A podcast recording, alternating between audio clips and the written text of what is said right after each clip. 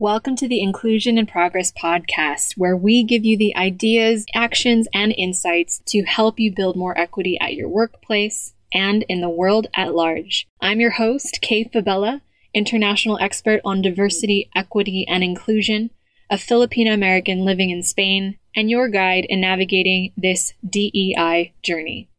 Having worked with teams at companies such as Philips, the IMF, Red Hat, PepsiCo, and more, I know firsthand that the work of inclusion only works when everyone has a seat at the table. Regardless of your personal entry point into this conversation, your race, ethnicity, gender, ability, age, sexual orientation, country of origin, or educational background, we all have a role to play in creating inclusion for all. And it starts with us having conversations we need to create the change we wish to see. So let's dive into today's episode.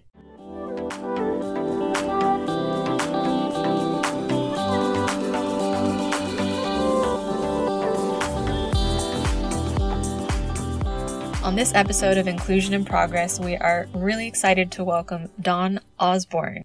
Dawn has worked at Adobe for 18 years. She's the chair of the company's award winning Black Employee Network, or BEN, in the EMEA region, so Europe, Middle East, and Asia region, which she founded in 2018. She was inspired by an article that she read on the struggles that young people from ethnic minorities face in achieving the same professional success as their counterparts which led her to launch Adobe Black Employee Network with the aim of recruiting, retaining, and advancing diverse talent in the tech industry. We were connected through a mutual friend, and I've come to know Dawn as a light, a force for good. And I know you're absolutely going to love all the things that she has to share about growing and scaling an employee network. So let's go ahead and dive in. Hello, Dawn. Welcome to the show. Thank you. Hello, Kay. Nice to be here so happy to have you with us, and I cannot wait to get stuck in. You were mentioned by one of our mutual contacts. I've been following your work for quite some time, and I was like, we have to get this woman on the podcast. She's doing really cool stuff. And so I'm just so thrilled and honored that you took a moment to join us today. So let's dive mm. right in. Yeah. Fantastic. So I know that whenever I have a guest on the podcast, because it is called Inclusion in Progress and all of us are involved in creating inclusion at work, I like to understand how you got into this work, or maybe how the work was kind of thrust upon you. In some cases, I think that tends to happen as well. So, yeah. could you give us a little bit of background and context for how you ended up starting the employee network that you have, and even just how you got involved in wanting to create more inclusive workplaces for others? Yeah, well, it definitely wasn't thrust upon me. I'm in quite a unique position where there was a strong personal passion and also a real professional aspiration as well when it came to the whole diversity and inclusion piece. So I've been at Adobe for 18 years. I've been working within marketing and, currently in EA and also a DNI leader within EMEA. And I started the Black Employee Network we are about three years old now. Historically, we've had networks in the US team. So EMEA, part of that, started UK and obviously now expanded to EMEA. If I go back to my personal passion, the reason I started this, because I was connected to the US team and used to get all of the communications and everything. And at that time, like I said, we didn't have a network in the UK specifically. And one day, this article dropped into my inbox, and Ooh, juicy. yeah, I know. It was a New York Times article, and it had all of this data on young black men, and it was saying that young black men, even if they came from the most affluent backgrounds, they had the best grades everything, they still did not achieve the same level of job as their non black counterparts. And some of them, because of student debt or whatever, were moving into poverty. And this was such a shock for me. I was like, oh my God, I cannot believe I'm reading this. I have a son. At the time, he was two or three years old. And as a parent, you want to do the best for your child. I had all of these aspirations and realized that no matter what I did, some of those opportunities would not be there for him. Mm. And also, my little boy, he's I adopted him when he was nine months old. I thought I'd be able to absolutely change his world, and this article was a confirmation that I couldn't. So I started the network off the back of that article thinking, I need to make a change. I need to move the needle. I need to do something. So he has the opportunities that he deserves when he becomes of age. That is so powerful. I love that you shared that with us. It's really interesting as we've been listening to different guest stories on the podcast, whether people are doing this within companies or independently as practitioners, either the work is thrust upon you or there's a seminal moment. And those are the kind of two trends that I'm seeing. So I really mm-hmm. appreciate mm-hmm. that. It sounds like that article was a seminal moment for you as well. Mm-hmm. It absolutely was. But I do think there's a huge amount of value in those seminal moments because the passion that people have really does drive change. The passion that I have, I know when times have been tough, has seen me through, it has made me keep going because if things are challenging, the tendency might be to give up. But I'm like, no, I need to make a change for my son. And this is a lifelong commitment. So oh, yes. I'm, I'm on it. I'm on it. Love that. And I think that's brilliant. And it leads us into how you got this network started. And I also wanted to just very quickly, before you dove into that, you mentioned that you were doing quite a bit of work with the US based team for Adobe, and there wasn't yet anything on the UK side and definitely not within the EMEA side. What was the thinking behind there needs to be an additional space for Black voices within the company that aren't necessarily so US focused? For me, it's about representation. And I feel like even though there is a lot of similarities between our brothers and sisters in, in the US and us, we have a lot of challenges that are almost the same. Mm-hmm. But within EMEA, specifically within the UK, I feel the underrepresentation and how we deal with that, and generally as a society as a whole, what that looks like for a Black person in the UK is very different. The experience is different. Our culture is different. Social interactions we have around it, and mm.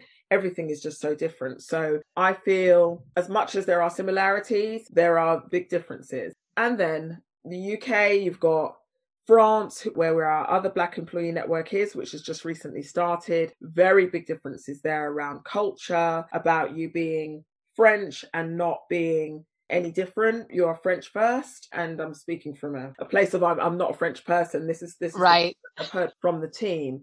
So for me, it's really about just being mindful of the cultures within each country, the nuances. Everything's just so different yeah, we still come together as a team, as a family, but we mm. honor those differences, those social differences that we have within countries. I absolutely appreciate you sharing that. And that is actually something that I talk about often with my clients as well. A lot of the work that we get is from folks who may have a US headquarters and are looking for support in the EMEA side. And they've come to the same realization that you have that even we always talk about individual underrepresented groups not being monoliths, but even within that, where you're physically based or what the cultural and societal dynamics are at play also have an effect on the different experiences within that. So I appreciate you sharing mm-hmm. that. Thank you. So now you've started this group, you've got this impetus. Now you flash forward to three years, Dawn. You've really grown this. It sounds like with the force of nature and also in intention and with the help of so many other people. What does it now look like for you three years on? What are the lessons that you kind of picked up along the way since you've started? Wow, there are so many, but the biggest thing for me is really about authenticity it's bringing as much of my authentic self because I don't believe you can bring your full authentic self to work. You're in a professional environment, it's very different, mm-hmm. but as much of my authentic self to work as possible. So it's about being and honoring where I've come from, what my background is, and feeling like I belong. And so, what I try to do for the network is to foster that sense of belonging. So we have a sense of belonging within the network, the family that we have, but also we belong to Adobe as well. We are a valued voice within that family. You know, people do want to hear from us.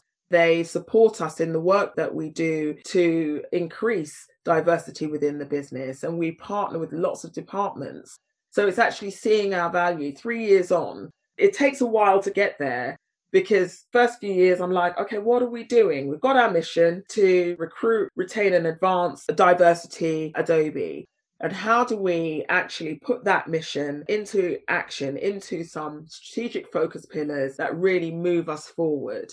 And even with those focus areas, what does that really look like? So for me, it, it just always comes down to bringing yourself, bringing our experience, bringing our network, and making the world and Adobe more inclusive.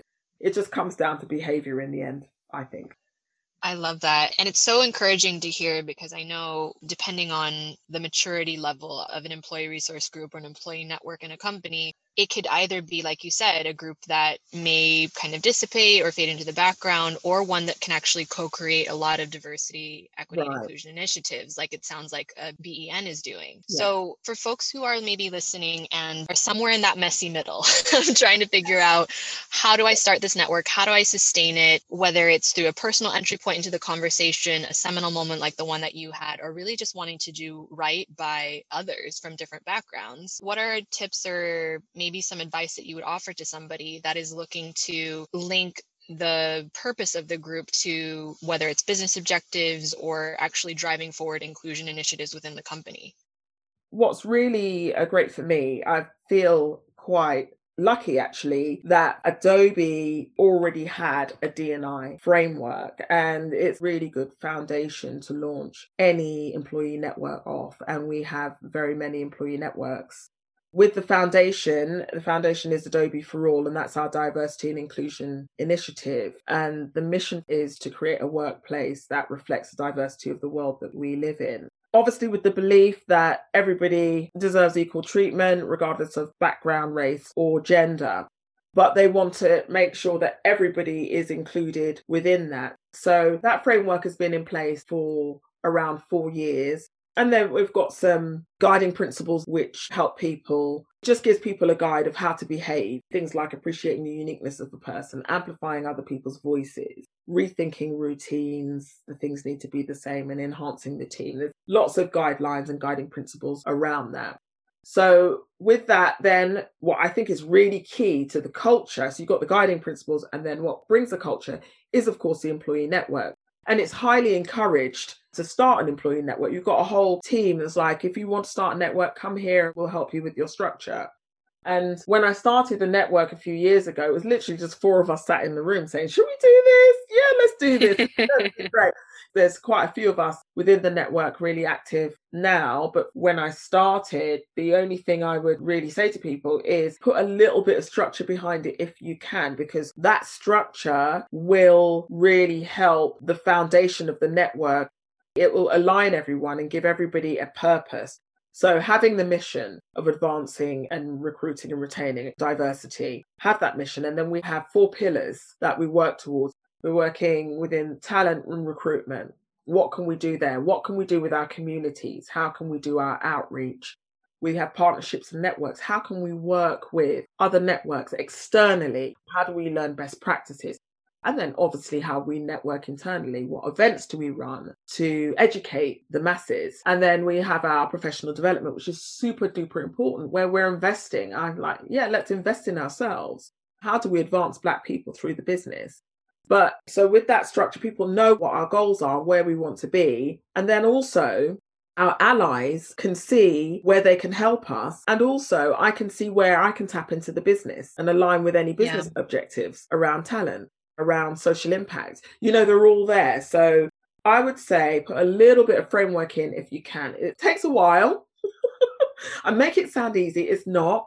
It takes a few goes at it, you know, mm-hmm. but that really helps. And then you can start working on all of the lovely other stuff that you want from that foundation. I love that. There's a phrase that's bouncing around in my head right now as you're speaking. It's you can only find freedom within the form, and the form is critical for you to be able to grow. It sounds like Adobe doesn't just support your network, but anyone who wants to lead the work and provides that foundation. So that's fantastic to hear. Yeah. Definitely. And you did touch on this already, but I did want to dive into that idea of allyship because it's very easy. And we've seen this happen across every organization employee resource groups or employee networks. I would say maybe pre pandemic, maybe not so much now because there's a lot more collaboration because of the nature of where we are. But I did see a tendency for these networks to be quite siloed and have conversations in quite isolated ways, but without really much in terms of ways for others to interact and kind of participate in the conversation who didn't necessarily subscribe to that membership of that group. So I'm curious to hear how, in your experience, has BEN been able to actively recruit allies, give them those actionables for them to support you in the same mission that you're all leading around diversity and inclusion at Adobe, and what you would say to folks who are listening who are even thinking of getting involved in supporting these types of networks. Yeah, I believe that having strong allies is a really valuable and useful way to advance diversity and advance whatever we do within the networks, advocate for us and sponsor us. And, you know, over the years, we've had many people who have really supported us in so many different ways. They probably wouldn't call themselves allies, but I call them allies because they've been there for us. And I feel like for allies, like you're saying, people need to be able to access, you know, so we're not siloed, access what mm-hmm. we do as a, as a network. So our allies, we call them BEN Friends, and that's just specific to EMEA.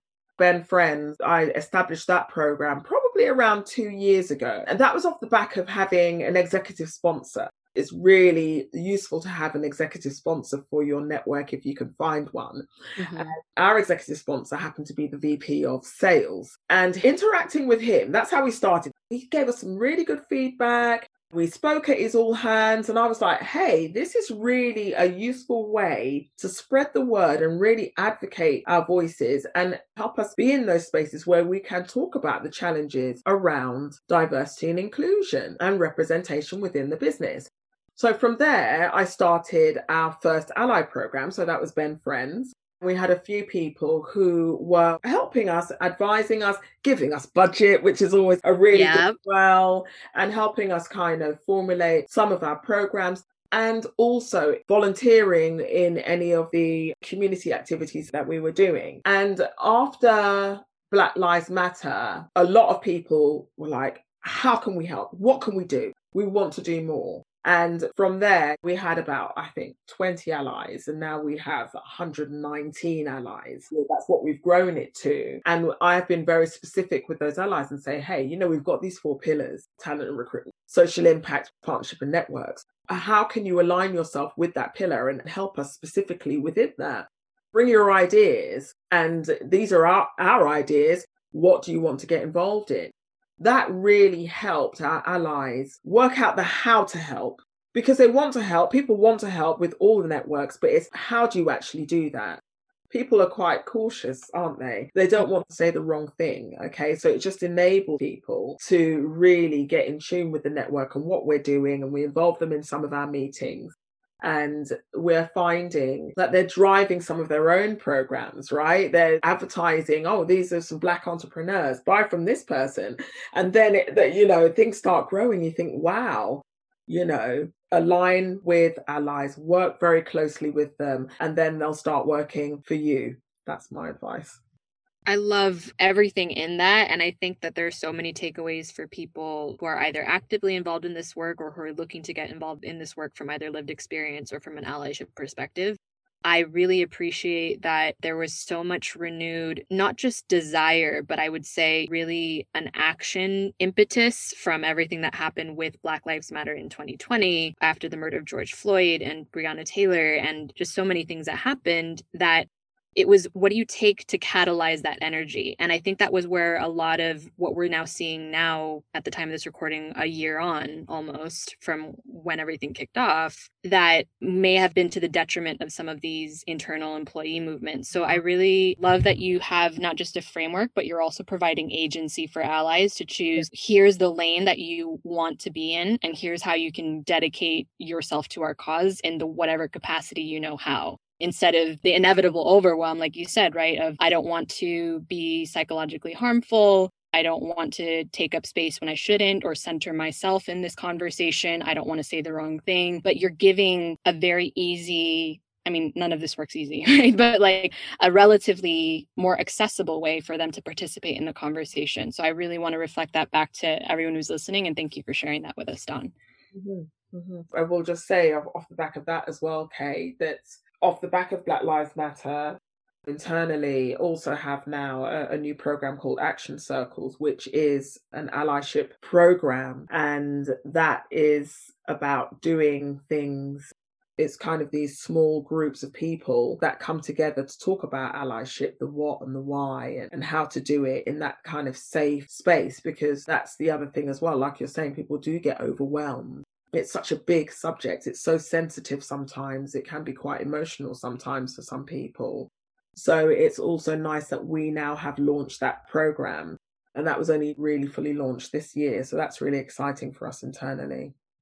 That's fantastic to hear. And yeah, I want to reflect back to people who are listening that sometimes allyship is finding others in maybe your particular groups or identity groups and working together before bringing it to, say, the group that is currently in trauma or harm and I think that's just as important to do the work internally, to do the work in community with folks who are maybe adjacent to or parallel to your own experiences so that you know how to do the work better in an intersectional way for others. So I really appreciate you sharing that.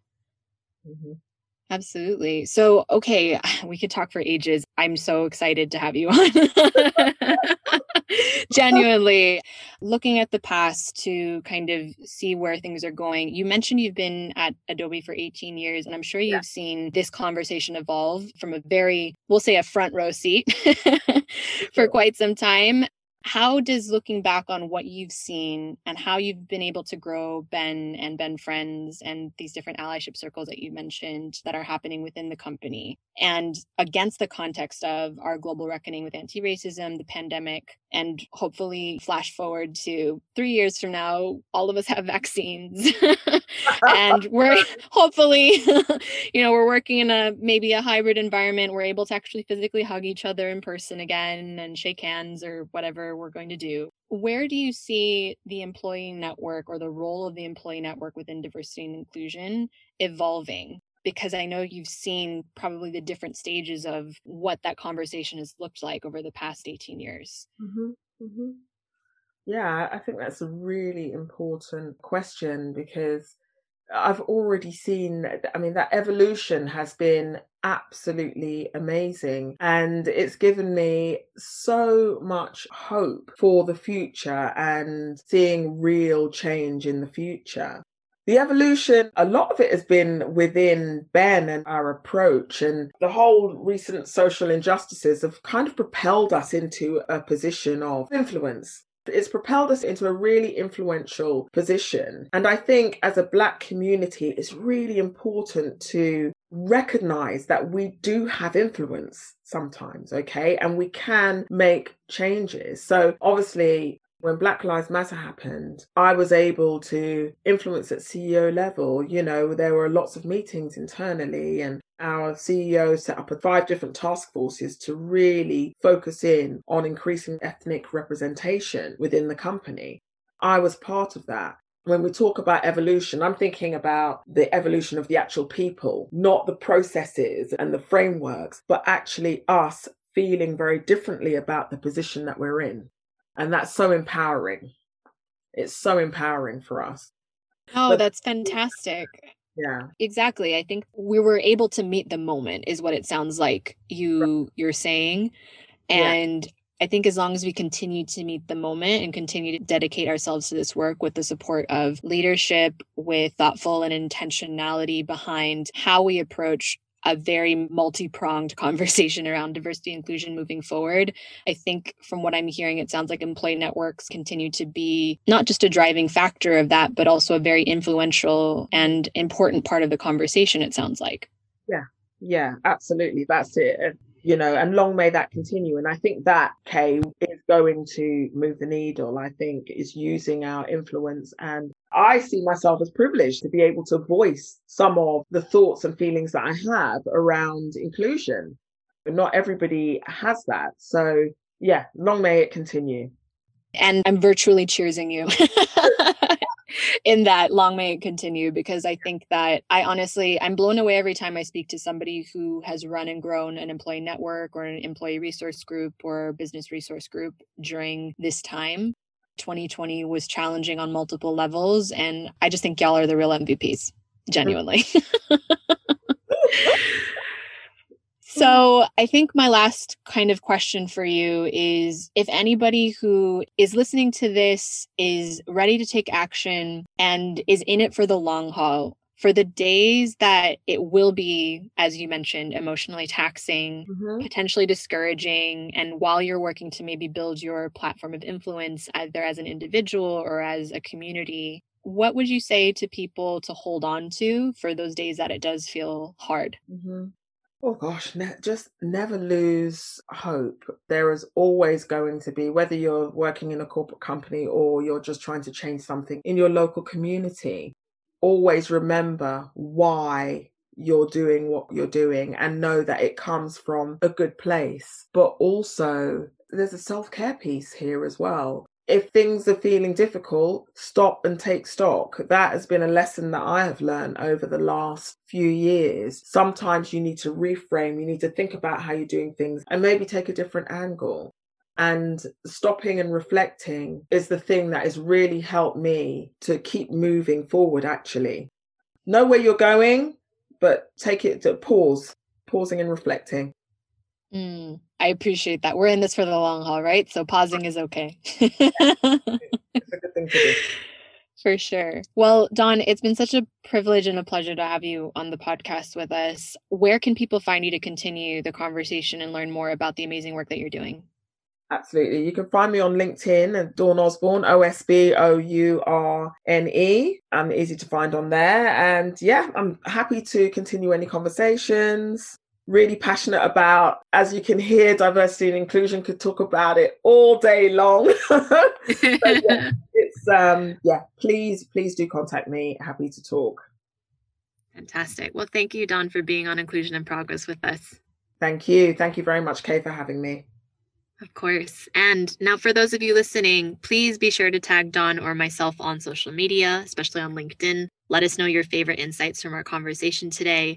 Of course, don't forget to subscribe, rate, and review the podcast on iTunes. Every bit helps to get this message, these tools and resources shared on Inclusion in Progress to the people who'd most benefit from a more inclusive world. Thanks again for tuning in, and I will see you in the next episode.